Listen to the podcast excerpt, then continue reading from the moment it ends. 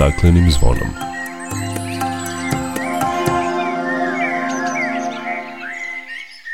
Dobar dan i dobrodošli na Zeleni talas prvog programa radija Radio Televizije Vojvodine. Ja sam Dragana Ratković. Agencija za zaštitu životne sredine objavila je šest redovnih godišnjih izveštaja o stanju životne sredine u različitim segmentima za prošlu godinu. Čućete šta kaže izveštaj o stanju kvaliteta vazduha dobijanih na osnovu rezultata merenja zagađujućih materija, u kojim gradovima je bio vazduh prekomerno zagađen i koji su uzroci zagađenja. Čućete i šta kaže izveštaj o upravljanju otpadom, koliko smo proizveli otpada i zašto će Subotička prigradska naselja sačekati sa primarnom separacijom, iako je regionalna deponija sa sedištem u Subotici dobila sve potrebne dozvole za rad. Govorit ćemo i o građevinskom otpadu, zašto se on ne reciklira, kako se on može iskoristiti i koliko uređenjem ove oblasti možemo smanjiti uticaj na životnu sredinu. Biće reći i o konferenciji o upravljanju otpadom i cirkularnoj ekonomiji. Toliko u najavi, o svemu opširnije nakon pozdravne pesme. Dok priroda kraj nas plače, za vladarskim svojim tronom,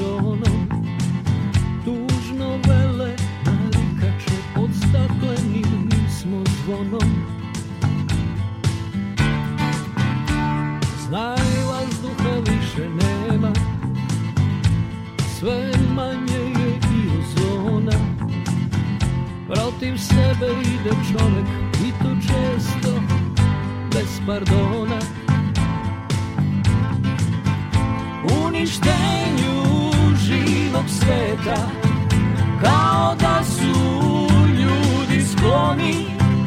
čovek sam je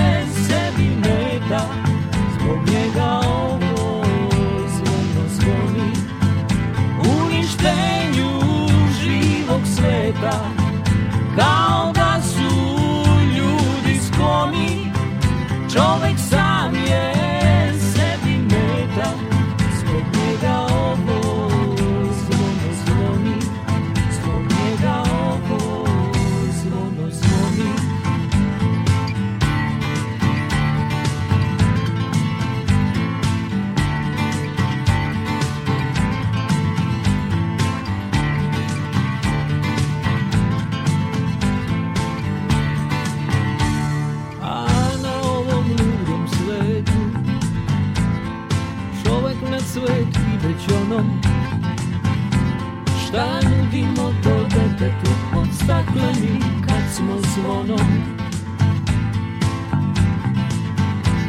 Uništenju živog sveta Kao da su ljudi skloni. Čovek sam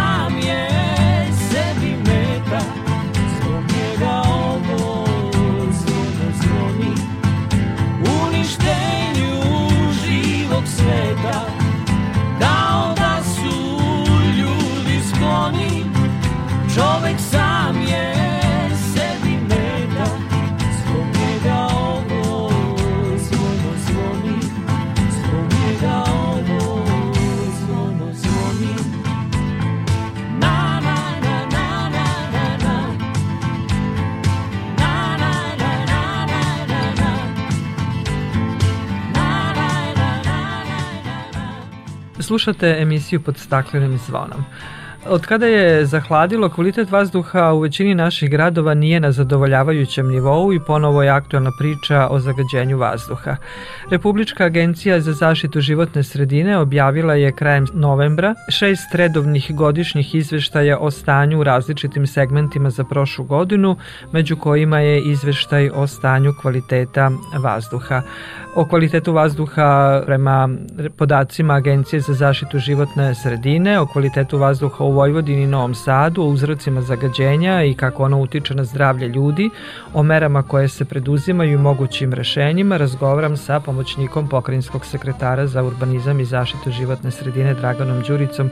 Gospodine Đurica, dobrodošli na Talase Radio Novog Sada. Hvala vam na dobrodošlici i pozdrav i za vas i slušatelji. Zagađenje vazduha je trenutno jedan od najvažnijih ekoloških rizika po ljudsko zdravlje. Ono se doživljava kao jedna od najvećih pretnji opštem blagostanju stanju širom sveta zajedno sa pitanjima klimatskih promena, a kao rezultat toga sve veće interesovanje i medija i građana i traži se poboljšanje kvaliteta vazduha. Agencija za zaštitu životne sredine je krajem novembra objavila šesti redovni godišnji izveštaj, do duše malo sa zakašnjenjem, još uvek nemamo onaj krovni izveštaj o stanju životne sredine, ali u njemu se kaže da tokom prošle godine u gradovima Kragujevac, Kraljevo, Zaječar, Valjevo, Novi Pazar, Paraćin, Čačak, Loznica, odnosno Sremska Mitrovica, Subotica, Zrenjanin, Sombor, Vazduh je treće kategorije, dakle prekomerno zagađen, a vazduh je prekomerno zagađen i onim većim gradovima kao što su Novi Sad, Beograd, Pančevo, Smederevo, Bor, Kosjerić, Užice i Niš pre svega u pravu ste. Prema podacima Svetske zdravstvene organizacije i njihovim nekim e, analizama, statistikama koje sprovode godinama unazad, dugotrajna izloženost zagađenom vazduhu može da uzrokuje i najčešće uzrokuje bolesti respiratornog sistema, a čak je uzrok i za neke druge bolesti i zbog toga se i mi, ali moram da naglasim i u celom svetu svi bore da tu zagađenost vazduha smanje na minimum. Prosto veoma je teško očistiti vazduh jer sve ono što praktično znači život i neka industrija, rast privrede, razvoj modernog sveta će dovesti do zagađenja podaci o kojima govorite, moram nažalost da kažem da su logični, mi smo možda i pre dve ili tri godine razgovarali na ovu temu i sigurno može da se i nađe da smo pričali o tome da gde god bi se uspostavila merenja i gde god bi se merilo, rezultati bi pokazali da postoji zagađenost vazduha. Pričali smo tada i povećanju brojnih mesta i tako dalje, evo vidimo sad po ovome izveštaju da se broj mernih mesta povećao i, i na našu veliku žalost ta merenja su sada i konstatovala da je zagađenje povećanje. Videli smo podatke koje je objavila Agencija za zaštitu životne sredine, a što pokazuje monitoring kvaliteta vazduha koji se radi u, u pokrajini? Podaci u izveštaju agencije su naši podaci zbog obaveze da im šaljemo. Dakle, u Sombor, Zrenjanin, Sremska Mitrovica i Novi Sad jedni od najzagađenijih gradova u Vojvodini i prema vašim podacima. Tako je. Nažalost, Zrenjanin je od ove godine u trećoj kategoriji i to je nešto što je bila predikcija da će se desiti, ali se opet vraćamo, izjednačavamo na, sa onom pričom što smo govorili da povećanje industrije, povećanje broja stanovnika, povećava i zagađenje vazduha. Pročitali ste i Sombor. Sombor je decenijama unazad pa i danas jedan od najzelenijih, možda i najzelenijih grad u Srbiji. Ali I tamo se koristi bicikl, građani su vrlo svesni. Zagađenje koje vidimo sada u ovome izveštaju je zagađenje koje je pod broj 1 uzrokovano klimatskim promenama i promenom e, klime koja se dešava u, u, u celom svetu i samo primer da nije sve do ovih nekih fizičkih zagađivača nego da tu ima i nekih drugih uticaja. Kada govorimo o Vojvodini, uglavnom se radi o zagađenju zbog čestica PM10. Kada govorimo o gradovima koje ste spomenuli, govorimo dakle o urbanim sredinama gde postoji veliki broj domaćinstava koji se zimi greju, koji koriste svoja motorna vozila za, za svakodnevne životne aktivnosti i e, to su neki ovaj pokazatelji da gde god e, postoji povećan broj stanovništva biće i zagađenja. Prosto te čestice su toliko sitne i ovaj one su najveći zagađivač i sad se pokazuje da one to zapravo jesu zato što ih merimo. Sa druge strane, one su izuzetno opasne kada kontinuirano postoji velika koncentracija tih čestica. Njih imamo prosto i u zatvorenom prostoru i u svuda oko nas eh, kad bilo šta radimo, ali se one koliko brzo se e, koncentruju, toliko se brzo i, i razilaze. A šta je uzrok zagađenja ovim česticama konkretno? Konkretno se radi o česticama prašine. Broj pokazuje njihovu veličinu, ali to je zapravo prašina koje ima svugde i uređaj koji mere popularno se nazivaju prašinari, tako da uzrok je sve od e, individualnih ložišta, građevine, redovne prašine koju imamo leti kad je vreme suvo, sve. A saobraćaj? Zagađenje i saobraćaj od izduvnih gasova. Sve to kad se ovaj sabere na jedno mesto, dobijemo zagađenje koje je u zavisnosti od toga gde je locirana industrija ili gde je povećan saobraćaj ili gde su povećane individualna ložišta. Imamo Valjevo i Užice koje su primer I geografski gasifika. položaj. Apsolutno, geografski položaj i vremenski uslovi, apsolutno. Mi uvek zimi slušamo Beograd najzagađeniji grad e, na svetu, Evropi i tako dalje. Beograd geografski položaj, vremenski uslovi, ali čim ovaj dune ta beogradska košava, odma su rezultati drugačiji, odma vazduh nije zagađen. Prosto to neko provetravanje takođe ima veliki značaj, veliki uticaj. Padavine tokom zime mi imamo zimu sa izuzetno malom količinom padavina, što takođe uzrokuje da vazduh bude zagađen. Recimo i Novi Sad ima dobro, da tako kažemo, ventilaciju, dobar položaj, ali nekako iz godine u godinu uvek vidimo da postoje veći broj dana kada je vazduh u toku godine zagađen. Apsolutno, cela Vojvodina je geografski e, ima taj dobar položaj, ima i provetravanje i ravnica je, ali godinama klimatske promene uzrokuju da se smanjuje broj dana sa vetrom zimi, da se smanjuje broj padavina i samim tim se i povećava zagađenje. Sami ste već pomenuli da već godinama pričamo o ovoj temi, o problemu zagađenja vazduha u Vojvodini, Novom Sadu, a i čitavoj Republici. Po vama, da li bi neke mere mogle da pomognu da se smanji ovo zagađenje? Godinama unazad su građani tražili informacije, broj merenja institucija kao što i pokrajinski sekretarijat je povećao tih, taj broj mernih mesta i rezultati su takvi kakvi jesu, tu nema kakve laži, a onda prvi korak možda u, u celokupnom tom sprovođenju i smanjenju zagađenja počinje od nas pojedinaca.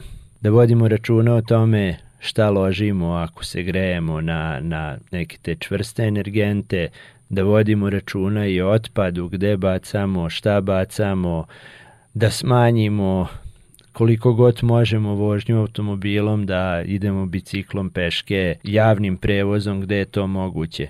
Počinje od pojedinca, a neke druge mere se sprovodi, vrši se i pošumljavanje i rađaju se novi parkovi po gradovima, sve ono što može da uradi jedna lokalna zajednica, to se radi u nekoj meri koja je moguća i brzinom koliko je to moguće, ali prosto kreće od nas pojedinaca, pa svi dalji koraci treba do, dovedu do, do toga da se smanjimo primere u Nemačkoj kad u nekom gradskom jezgru se desi da je povećano zagađenje, oni tada zaustave na nekoliko dana saobraćaj kroz te ulice, građani to prihvate, voze se javnim prevozom.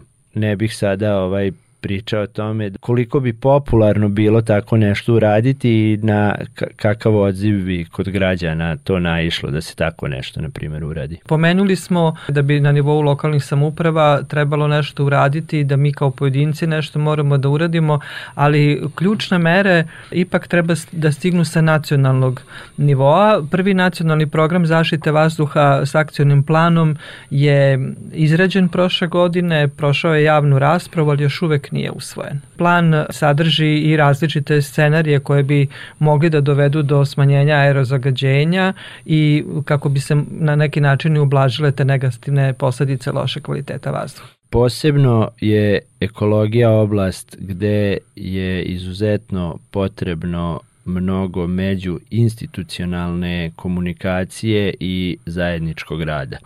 Verovatno je jedan od razloga zbog čega još uvek nije usvojena strategija i ta što postoji mnogo razgovora, usaglašavanja, komentara, sugestija koje treba razmotriti i uvažiti. On će biti usvojen i u njemu nešto piše. U njemu piše mnogo toga o čemu smo mi sada pričali. Ne moramo da čekamo da neki dokument bude usvojen da bismo ne dali svoj pojedinačni doprinos. I uvek se vraćam na to da kreće od nas pojedinaca sve. Zagađenje vazduha nije nešto što se dešava u poslednjih 10 ili 20 godina. Zagađenja je bilo i naravno manje i pre 50 godina, ali... Nije bilo merenja. Nije bilo merenja, tako je. Za tih 50 godina složit ćete se, mi pojedinci smo mnogo toga promenili na gore, da tako kažem, da dođemo sada do, do ovoga, do čega smo došli. Svakako da bi bilo dobro da imamo jedan taj krovni dokument, ali lokalne samuprave su dužne, posebno one koji imaju problem s kvalitetom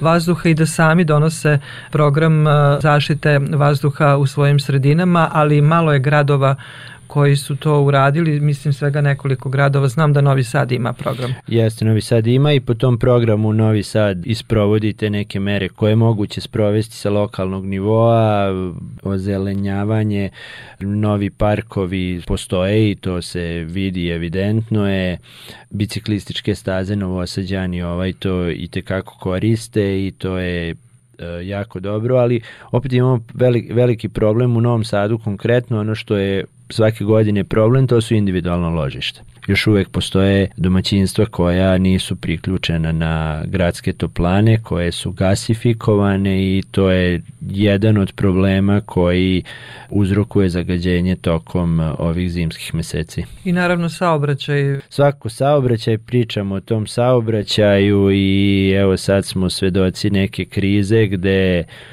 e, se priča o tome da se vozi autom na posao da treba probati da se organizuje, da ne bude jedan čovek u, u vozilu, da se ne koriste toliko automobili, ali nažalost. Da, da delimo prevoz ako je moguće. Za kraj ovog razgovora, dakle, činjenica jeste da imamo loš kvalitet vazduha i da će tokom zime sigurno biti tih dana kada će vazduh biti prekomerno zagađen. Koji su saveti vaši građanima kako da se ponašaju u tim slučajevima. Pa da slušaju savete lekara, kao što je to i do sada bilo u vremenskoj prognozi, se po savetima lekara građani koji su slabijeg zdravlja savetuju da ne izlaze napolje bez neke prekomerne potrebe. Nadamo se da će malo i klimatske promene da utiču bolje sa povećanim brojem dana sa padavinama je i vazduh kvalitetniji. U Švedskoj pao sneg, oni ovaj nemaju taj problem i odma ovaj mo, može da se vidi da su kod njih neki parametri mnogo bolji. Beograd je danima unazad imao loš kvalitet vazduha onog trenutka kad je dunula košava koja je normalna za to geografsko područje, vazduh nije bio zagađen. U svakom slučaju treba preduzimati određene mere kako bi se smanjilo zagađenje i kad je reč o industriji, saobraću i smanjenju e, individualnih ložišta koja koriste sve i svašta, a to utiče na kvalitet vazduha, a ono što možemo na kraju da kažemo to je pre svega da građani moraju biti informisani, da se informišu svakodnevno i da se pridržavaju nekih mera kako bi na neki način uh, ublažili posljedice po zdravlja koje nastaje usled uh, ovakvih dana koje imamo kad je vazduh zagađen. Da, naravno i dalje radimo na povećanju brojnih mesta na ovim mernim mestima kojima upravlja pokrinjski sekretarijat za urbanizam i zaštitu životne sredine. Ćemo sledeće godine da postavimo i te automatske merače prašine, to jest PM čestica, pa ćemo tako moći u realnom vremenu da vidimo koliko je to neko dnevno zagađenje. Mi radimo sada na uzorkivačima i analiziramo sadržaj te prašine, ali ta merenja traju 20 dana i analize stignu za recimo 25. dana, ali ćemo sada da imamo te automatske merače koji će realno u realnom vremenu pokazivati kada su ti kritični periodi i dani sa prekomernim povećanjem. To bi čestica. građanima značilo u svakom slučaju, barem zbog onih e, mera i apela da tih dana ne izlaze, da ne obavljaju neke fizičke aktivnosti na otvorenom i slično. Sva, svakako zapravo to je prva neka funkcija merenja opet kažem, mi merimo, povećava se broj mernih mesta, izveštaj je prosto sada neka dijagnoza pacijenta i naravno sve ovo čemu smo pričali, vazduh je nemoguće očistiti, ali potrebno je naći način kako da to smanjenje e, zagađenja učinimo makar u tim periodima za koje znamo da su najkritičniji. Ne možemo ga očistiti, ali barem da ga poboljšamo. Apsolutno. Da, hvala vam lepo za razgovor i učešće u programu Radija Novog Sada.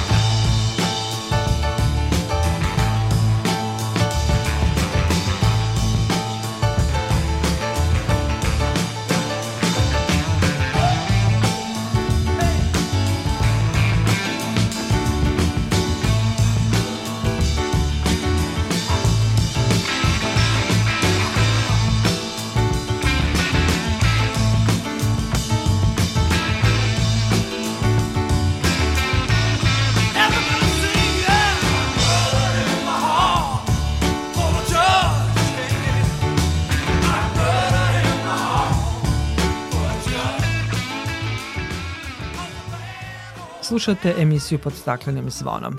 Agencija za zaštitu životne sredine objavila je krajem novembra, kao što sam pomenula, šest izveštaja za prošlu godinu. Osim izveštaja o stanju kvaliteta vazduha o kojem smo govorili, objavljeni su i izveštaji o površinskim i podzemnim vodama, o upravljanju otpadom, o ambalaži i ambalažnom otpadu, o plastičnim kesama, kao i o proizvodima koji nakon upotrebe postaju posebni tokovi otpada, ali još uvek nemamo krovni izveštaj o stanju životne sredine za prošlu godinu. U izveštaju o upravljanju otpadom prema podacima koji su dostavljeni u Nacionalni registar izvora zagađivanja, u 2021. godini u Srbiji je ukupno proizvedeno oko 11,7 miliona tona otpada, od čega je oko 60.000 tona opasan otpad. Od ukupne količine opasnog otpada najveću količinu od oko 7 tona čine staklo, plastika i drvo koje sadrži opasne substance ili su kontaminirani opasnim substancama. Na drugom mestu sa količinom od oko 5 tona nalazi se čvrsti otpad iz procesa tretmana gasa koji sadrži opasne substance, a na trećem otpad čije sakupljanje i odlaganje podleže posebnim zahtevima zbog sprečavanja infekcije i to oko 4,5 tone. Ukupna količina generisanog komunalnog otpada iznosi 2,87 miliona, a oko 390.000 tona podvrgnuto je postupku ponovnog iskorišćenja. Od ukupne količine komunalnog otpada najveći udeo, oko 45%, ima biorazgradivi otpad. U Srbiji je u toku prošle godine uvezeno gotovo 229.000 tona otpada, od čega 8.400 tona ima karakter opasnog. Kako se u izveštaju navodi, najviše se otpada uvozi iz Turske, Hrvatske, Mađarske i Severne Makedonije. Više od polovine količine uvezenog otpada čine otpadni papir i karton i otpadna plastična i papirna ambalaža. Fabrike za preradu sirovina uvozile su dodatne količine otpada da bi zadovoljile svoje kapacitete. Prema podacima iznetim u izveštaju, u Srbiji još uvek veliki broj opština i gradova ima sobstvenu deponiju smetlište. To su uglavnom deponije za koje je u skladu sa strategijom o upravljanju otpadom predviđeno saniranje i zatvaranje, jer je kapacitet postojećih deponija smetlišta u većini opština već popunjen, a većina ne zadovoljava ni minimum tehničkih standarda. Ne postoji kontrolisano odvođenje deponijskog gasa koje nastaje razgradnjom otpada u deponiji, što može dovesti do požara ili eksplozije.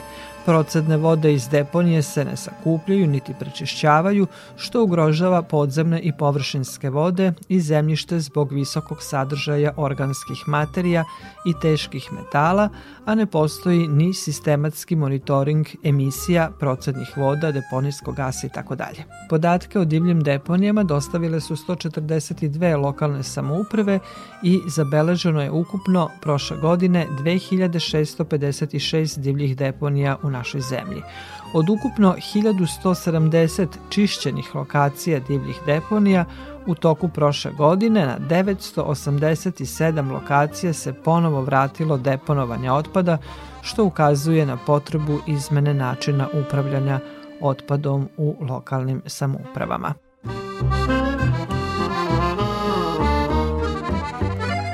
Subotica je prva od 45 opština u Vojvodini koja je dobila od Pokrajinskog sekretarijata za urbanizam i zaštitu životne sredine opremu za sakupljanje i reciklažu komunalnog otpada koja će biti korišćena za uvođenje novih korisnika u organizovani sistem odnošenja otpada i koja će doprineti uvođenju komunalnog reda. No, iako je regionalna deponija sa sedištem u Subotici dobila sve potrebne dozvole za rad, Na primarnu selekciju otpada u tom gradu će se još pričekati.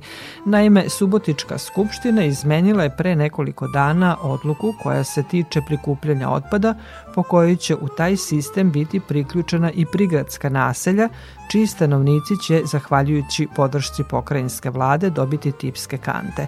Međutim, izmenama su produženi rokovi, a nadležni ne mogu sa sigurnošću da kažu kada počinje primarna selekcija po domaćinstvima. O tome više kolega Boris Šuman. Trećinu prikupljenog otpada u ovom momentu Subotička čistoća i zelenilo umesto na nesanitarnu Aleksandrovačku baru nosi na novu regionalnu deponiju u Bikovu. Plan je da ta količina raste iz meseca u mesec i da do kraja sledeće godine sav otpad bude deponovan na novoj deponiji. To podrazumeva i otpad iz 4000 domaćinstava iz prigradskih naselja. Na koji način, objašnjava direktor čistoće i zelenila Slobodan Milošev.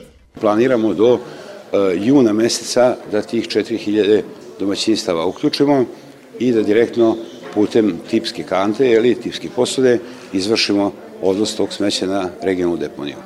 Sve ostalo će ići naravno u toku godine jer je budžetom grada predviđeno oko 30 miliona dinara za nabavku novih novih kanti.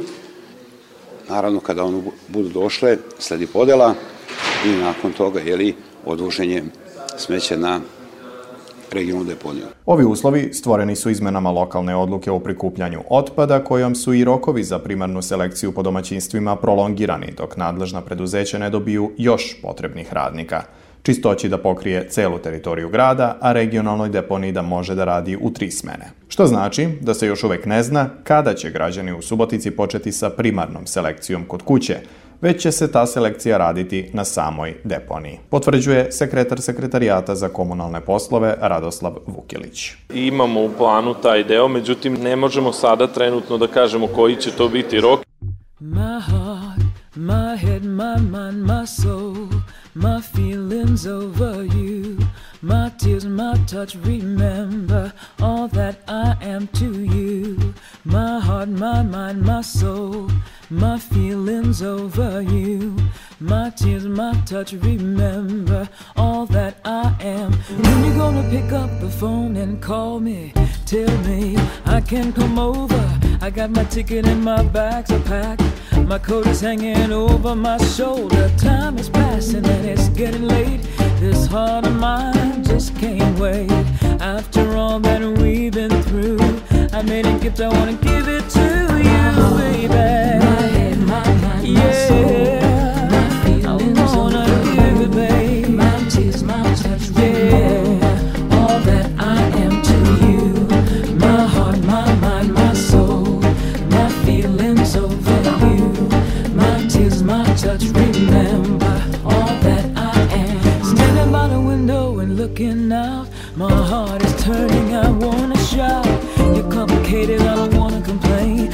The way you're acting, can you explain? Will all this love be wasted on you?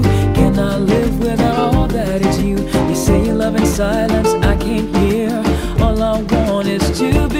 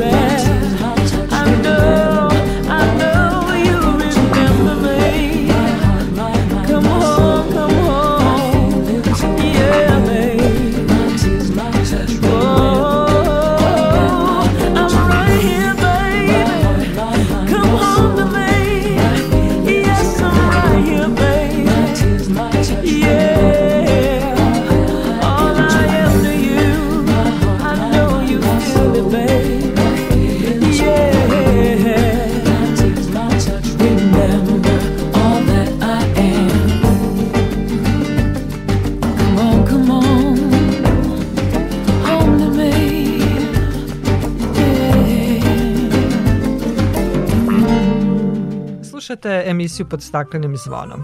I u nastavku govorimo o upravljanju otpadom. Kod nas mnogo se ruši, gradi, ali mnogo građevinskog otpada završava na deponijama pored puteva, a reciklažom taj materijal može da se ponovo iskoristi i tako da uštedimo resurse, ali i štitimo životnu sredinu. E upravo za to se zalaže Srpska asocijacija za rušenje, dekontaminaciju i reciklažu i između ostalog oni na taj način se zalažu i za prestanak stvaranja divljih deponija i učestvovanja u projektovanju postojećih deponija kao i da se zagađeno tlo raznim toksičnim materijalima zameni kvalitetnom zemljom. Krajem novembra ova asocijacija organizovala je međunarodnu konferenciju o rušenju i reciklaži na kojoj su predstavljeni primjeri dobre prakse u zemljama Evropske unije. Tim povodom razgovaram sa predsednikom asocijacije gospodinom Dejanom Bojovićem. Gospodine Bojoviću, dobar dan i dobrodošli na Talase Radije Novog Sada. Dobar dan i vama i vašim slučajovcima i hvala vam na pozivu. Gospodine Bojeviću, u našoj praksi nemamo zakonom uređeno upravljanje građevinskim otpadom. Sve ono, čini mi se, što se sruši se i baci. Prema vašim procenama, koliko tog e, građevinskog otpada završi na deponijama i kako se on može iskoristiti na dobrobit svih nas, ali i životne sredine? Moram nešto samo da vas preduhrzim u tome. Mi smo imali ovu konferenciju koja je novembra koja se zvala Navike, praksa i pravila. Kakve su naše vrlo- navike da. To i praksa? I praksa i da li imamo pravila u vezi toga. E, ovaj, to, to, kao početak ovoga što hoću da vam kažem. Naše procene se da se u Republici Srbiji stvara oko 100 miliona tona otpada od rušenja i građenja. Tu ne govorimo samo o procesima rušenja u urbanim sredinama, govorimo i o velikim infrastrukturnim radovima, kao što je izgradnja puteva, kao što je izgradnja železnica i drugih infrastrukturnih radova koji se do vodovoda, kanalizacije i tako dalje. Tako da je količina otpada koji se kod nas stvara ogromna. Da li ono veći ili manjoj meri ima zemlje i kamenja ili ima betona i drugih materijala, to je sad stvar neke procene i statistike koje mi nemamo kod nas u Republici, jer zvaničan podatak koji je dala Agencija za zaštitu životne sredine, da se u Srbiji stvara na godišnjem nivou 400.000 tona otpada od rušenja i građenja, dok je Zavod za statistiku Republički rekao da je to otprilike oko 700.000 tona otpada. Moram vam reći da samo deponija u Vinči, koja je u sada Viole, napravi više na godišnjem nivou nego oba dva podatka koji smo dobili od zvaničnih institucija, a u Novom Sadu to i same vidite kolika je površina na vašoj deponiji otpada dušenje građenje i koliki je broj širenjem grada tih divljih smetlišta koji u osnovi imaju građevinski otpad. Gospodine Bojoviću, recite šta se od toga sve može iskoristiti? Mi možemo da iskoristimo iz otpada od rušenja građenja 99% materijala. Počeo čak i od te zemlje iz iskopa koja bi nam bila potrebna za remedijaciju određenog tla, možemo da iskoristimo beton u, u, u 100% sastavu, možemo da iskoristimo kablove, možemo da iskoristimo pekarske proizvode, staklo, pevet, bukvalno se sve iskorišćava. A mi ne koristimo gotovo ništa? 0%. Mi nemamo taj vid reciklaže, imamo jedan takođe veliki problem kod nas. Mi čak ni rušenje kao operaciju nemamo u zakonu o izgradnji prostornom planiranju. Mi ga imamo u, u zakonu obeleženo da je operacija rušenja, rušenje koje vrši izvođač radova u smislu pripremnih radova u građevinarstvu. I tačka. Što se tiče upravljanja otpadom, mi imamo tu takođe jedan veliki problem. Građevinski otpad ne postoji. Imamo jednu vrlo čudnu i vrlo nezgodnu definiciju, a to je da je građevinski otpad otpad koji nastaje od izvođenja građevinskih radova, da spada u neopasne otpade i da je sličan komunalnom otpadu. Tako da imamo problem recimo koji se učitava vrlo često u Vojvodini, pošto sada uklanjaju neke deponije, da na uklanjanju tih deponija uopšte nema građevinskog otpada, da se sve vodi kao komunalni otpad. I to nam je ogroman problem. Koliko uređenjem ove oblasti možemo smanjiti uticaj na životnu sredinu? Jako mnogo. Vojvodini si je već prostorni plan bio, mi smo bili na javnoj raspravi i prihvaćen je naš predlog, odnosno prigovor o razdvajanju o komunalnog otpada i otpada u rušenju i građe. Tako da bi u sledećim planovima sve lokalne samouprave to morale da imaju. Da bi morale da izmene svoje planove upravljanja otpadom, jer našom proverom ni jedna lokalna samouprava u Vojvodini nema, čak ni u Srbiji, plan za upravljanje otpadom, rušenje i izgrađenje. Znači, to bi moralo da se doda na sve to i time bi rešili jedan veliki problem. Mi sada imamo situaciju u svim gradovima, pogotovo u velikom, u Novom Sadu se to vidi kao i u Beogradu, na svim ulaznim putevima u grad, da, da je grad kao Saturn, da ga tako nazovemo, da je okolo toga oni Saturnovi prstenovi, da je sve popunjeno otpadom od rušenja i građenja. Samim tim vidimo koji je problem u vazduhu, da smo bukvalno pod staklenim zvonom od prašine koje se stvara tako nemarnim odnosom prema jednom resursu. Kao što smo na početku rekli, organizovali ste međunarodnu konferenciju o rušenju i reciklaži pod sloganom Navike praksa i pravila, dakle mi nemamo ni naviku, ni praksu, ni pravila, ali na konferenciji su predstavljeni i primjeri dobre prakse u razvijenim zemljama u Evropskoj uniji, kako se postupa sa građevinskim otpadom u razvijenim zemljama i kakva su iskustva zemalja u svetu i gde smo mi u tom pogledu u odnosu na zemlje iz okruženja i razvijenog sveta. Moram vam reći jednu stvar. Mi smo kao Srbije, kao nacionalna asocijacija, članovi Evropske asocijacije za rušenje dekontaminaciju i reciklažu i članovi smo Evropskog instituta za dekontaminaciju. Nazvali smo ovu konferenciju ovim imenom iz razloga što imamo vrlo loše navike u radu. Praksa nam je samim tim vrlo loša i to zbog slobodnog tumačenja određenih zakonskih formi da mislimo da nešto imamo, u stvari nemamo, a pravila ne postoje imamo nepisana pravila koje su takođe vezana za određenu vrstu poslova, jer smo mi uspeli da određenim firmama damo izvestan broj dozvola da se bave ovim otpadom, jer koji nije mali. moram vam reći da je na teritoriji Srbije izdato oko 2000 dozvola za upravljanje ovom vrstom otpada, što je za teritoriju koju mi obuhvatamo to i veliki broj kompanija bez zvanja i bez ikakvih kvalifikacija. Mi smo ovog puta hteli da ukažemo stručnoj javnosti i, i svima drugima odnose koje imamo u Švedskoj, Holandiji, Nemačkoj, Austriji i Italiji. I svi su govorili o iskustvu modelima u svojim zemljama. Šveđani su govorili o modelima edukacije i i školovanje kadrova. Holandjani su govorili o opasnim materijalima u svojoj zemlji na koji način ih sklanjaju i trajno zbrinjavaju. Nemačka je bila izuzetna jedna prezentacija gdje smo govorili o načinima, pogotovo vezana za veće gradove, na koji način se radi reciklaža otpada u rušenju građane, koje sve proizvode imamo, u što ih ugrađujemo i o tome kakve su kazne za zagađivače, jer se rušenje kod njih smatra zagađivanjem životne sredine, što je za nas bilo onako dosta i ko može da se bavi tim poslom. I iz Italije bio jedan specifičan projekat, to smo radili zajedno sa njima, a projekat se zasnivao, pošto mi sve naše deponije su faktički nesanitarne. Mi smo dali jedan projekat konzervacije tih deponija, njihovih saniranja i da bi taj prostor iskoristili, pošto trenutno nemamo tehnologije na svetskom nivou da možemo iskoristiti mešani komunalni građevinski otpad u bolje svrhe, da nadamo se da će se pojaviti neka tehnologija za 20-25 godina kojima ćemo to moći na najbolji način ovaj, očistiti i urediti, da ih koristimo kao solarne elektrane. I izazvoje veliku pažnju i posetilaci i dosta pitanja svi naši gosti, pogotovo zbog problema koji mi imamo kod nas, a to je uticaj azbesta na javno zdravlje i na povećan broj karcinoma, raka pluća, gde je poznato da ga izaziva azbest. To je ta jedna od vaših aktivnosti kojom se bavite, a to je dekontaminacija otpada, to je to? Jeste.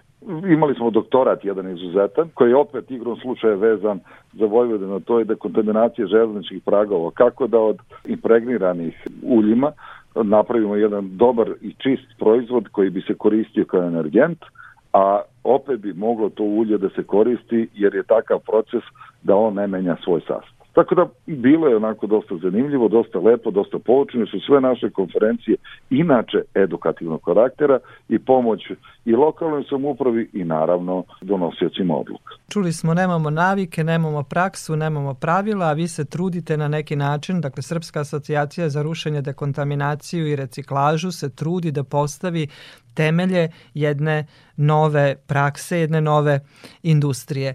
Šta su vam sledeći koraci šta su vam namere? Kako ste me lepo sad ovaj, obradovali što ste rekli nova industrija, ovo i jeste nova. Kad pogledate količine materijala koje se stvaraju ovim procesima, možete da zamislite koliko bi zaštitili topografiju naše lepe zemlje, vađenje šljunka i peska iz reka kao prirodnih materijala, da nemamo ovoliki broj kamenolama, jer bi sve to mogli da upotrebimo materijal koji je nastao ljudskom rukom građevinskih radova ponovo vratili u proces izgradnje puteva i pruga. Mnogo pričamo o cirkularnoj ekonomiji, a ovo je baš upravo dobar primer cirkularne ekonomije na delu. Naravno. Mi smo uradili jedan projekat za opštinu Čajetina, Oni imaju svakđe gradnje, oni u ovom trenutku imaju preko 220 uh, građevinskih dozvola gde se rade i izvode i radili smo jedan projekat cirkularne ekonomije u lokalnoj samoupravi. U, prošao je taj projekat UNDP, a to je da od opekarskih proizvodina tehnološkim procesom dobijemo šljaku za pešačke staze i dečje igralište. Zamislite šta bi to mogli da imamo u Novom Sadu, u Zrenjaninu, u Somboru ili bilo gde drugo da upotrebljavamo ovakav model rada i koliko bi zaštitili i prirodnih sirovina ostavili budućim generacijama. Govorimo o količini od 100 miliona tona u Republici Srbiji. To je jedan broj gde smo mi svoju građevinsku industriju zaposlili za narednih sigurno pet godina nesmetanog rada, a da nemamo devastirana područja koje već poprimaju zabrinjavajuće rast. Dakle, šta bi bio prvi korak da postavimo, evo, kao što rekao smo, te temelje jedne nove industrije? Mi se trudimo da ih postavimo. Mi smo pisali dosta inicijativi, bili deo radnih grupa pri dosta ministarstava za to. Oni ne shvataju ovaj problem. Mi imamo već određenu bazu sa nekim kompanijama koje tima žele da se bave. Mi smo sada dali recimo međunarodne evropske sertifikate prvih sedam firmi za rad sa azbestom i uklanjanje azbesta, što mislimo da je vrlo značajno. Potrebno je i moram reći da su partneri i sponzori naše konferencije bili Inženjerska komora Srbije, jer smo shvatili da nemamo kadar za ovo. i mi smo krenuli u obučavanje kadrova koji bi mogli da se bave ovim poslom. Drugi korak su lokalne samuprave sa izmenama svojih planova upravljanja otpadom, kako da ovo uvedemo u to, jer je najbolje koristiti ove proizvode zbog troškova transporta na lokalnoj infrastrukturi i normalno za ove velike poslove i velike stvari da izvenimo standarde u propisivanju materijala i standarde opisa poslova kako bi ova industrija zaživala izmenama zakonskih regulativa.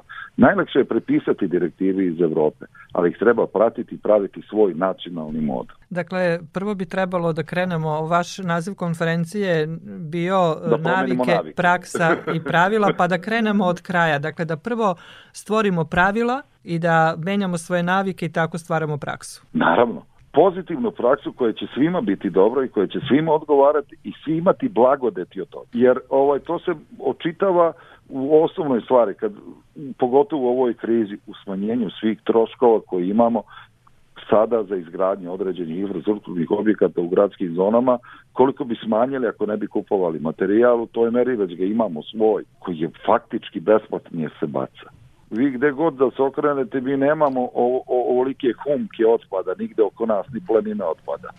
Sve se iskorišćavalo. Mi smo recimo gradili grad Smederevo od, od ostataka rimskih utvrda. Sve se koristilo da smo sada došli da smo neko društvo kao bogati naslednici sve bacamo, a ne znamo šta ćemo svoje deci ostaviti. Realno. Druge su zemlje bogatije i ovo jesu primjeri bogatih zemalja, jer one nisu bogati što puno zarađuju, nego što puno koriste svoje resurse koje imaju.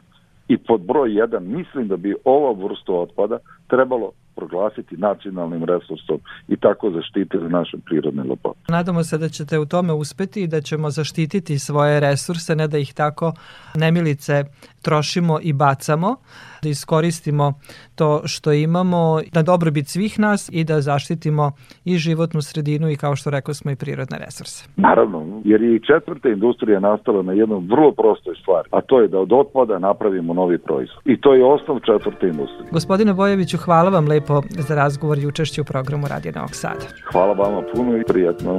She got a broke down El Camino in the front yard up on Broad. Her mom walks around in a pink nightgown, sandals and white socks. She don't mind a baseball game in the middle of the lightning and the rain. She's a pain in my brain, drives me insane, but I love her just the same. Boys, love her just the same. Something in the water, something in the water. Something in the water.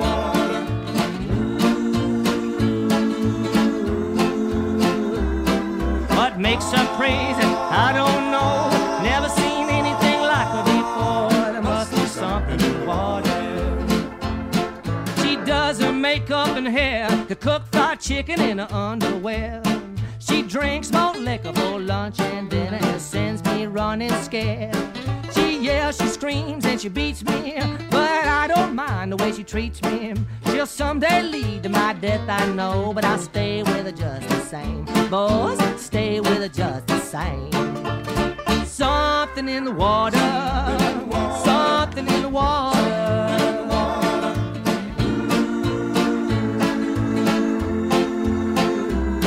What makes her crazy?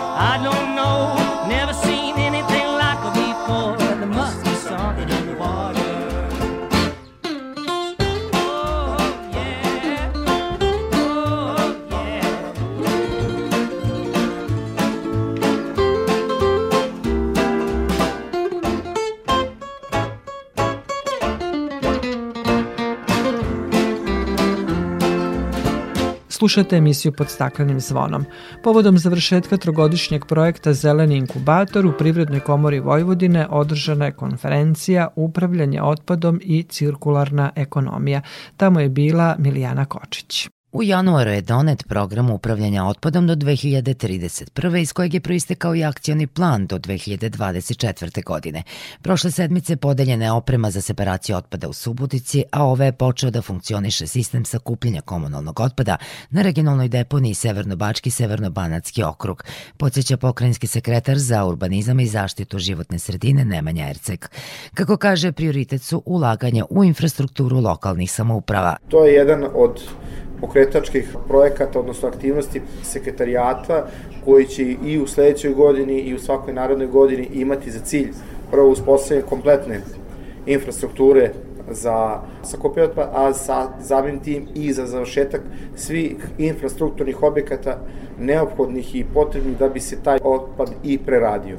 Tako da sledeće nedelje ćemo imati još jedan događaj u cilju unapređenja jedinice lokalne samoprave pogledu izgradnje infrastrukturnih objekata. Svakako cilj nam je prvo da sa dobrom infrastrukturom počnemo, odnosno da startujemo, a cilj će nam biti konačno, to je svakako povećanje nivoa, odnosno stepena reciklaže iz komunalnog otpada i svakog drugog otpada, a svakako u tom međuprostoru svoj put će naći cirkularna ekonomija. Pre tri godine osnovan je Savet za cirkularnu ekonomiju Privredne komore Vojvodine i on je umrežio institucije, privredu i nevladin sektor. Oni sada imaju jasnu viziju u kojem pravcu treba delovati, objašnjava Zoran Trpkovski iz Privredne komore Vojvodine. Mi smo ponosni što je Savet za cirkularnu ekonomiju Privredne komore Vojvodine okupio stručnjake iz ove oblasti koji veoma dobro poznaju tu materiju, a u isto vreme rešavaju konkretne probleme vezane za industrijski komunalni otpad.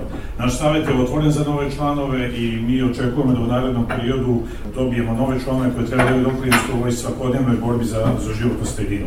Imajući u vidu značaj širenja koncepta cirkularnosti u perspektivi očekujemo da naš savjet za cirkularnu ekonomiju bude više još povezan sa grupacijama koje su e, uključene, koje postoje u okviru na privredne komore Vojne, pre svega mislim na grupacije za energetiku, građevinarstvo i metalnu industriju, a naravno u poljoprivredi i grupacije koje postoje u okviru udruženja poljoprivrede. U okviru projekta Zeleni inkubator organizovane su i edukacije o značaju očuvanja zaštite životne sredine i pravilnom odlaganju otpada. Poslednje istraživanje koje je sproveo lokalni ombudsman u Novom Sadu pokazalo je da su građani sve svesniji važnosti ovog pitanja, ističe organizator konferencije Igor Jezdimirović iz Udruženja Inženjeri zaštite životne sredine. Po istraživanje je rađeno treću godinu zaredom u cilju upravo da se sazna na koji način građani sagledavaju problem upravljanja otpadom zaštite životne sredine. Pokazalo se da imaju visok nivo razumevanja i želje da se unapredi stanje životne sredine, da vrlo često im nedostaje infrastruktura i da će to biti neki od aktivnosti koje treba naprediti u budućnosti. Kad govorimo o upravljanju otpadom, jedno od gorućih pitanja su divlje deponije, a u rešavanju tog problema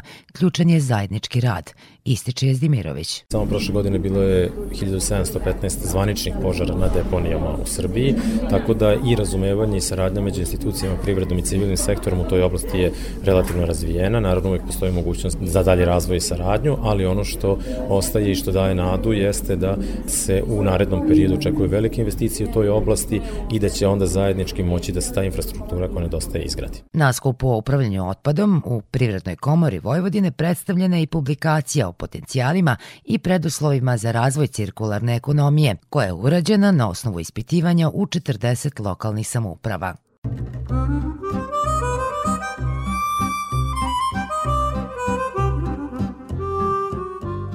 Došli smo do kraja emisije pod staklenim zvonom koji možete slušati i odloženo na podcastu Radio Televizije Vojvodine na adresi rtv.rs. Na pažnji vam zahvaljuju Violeta Marković, Zoran Gajinov i Dragana Ratković. Naredni susret zakazujemo za sedam dana u isto vreme na zelenom talasu prvog programa radija Radio Televizije Vojvodine.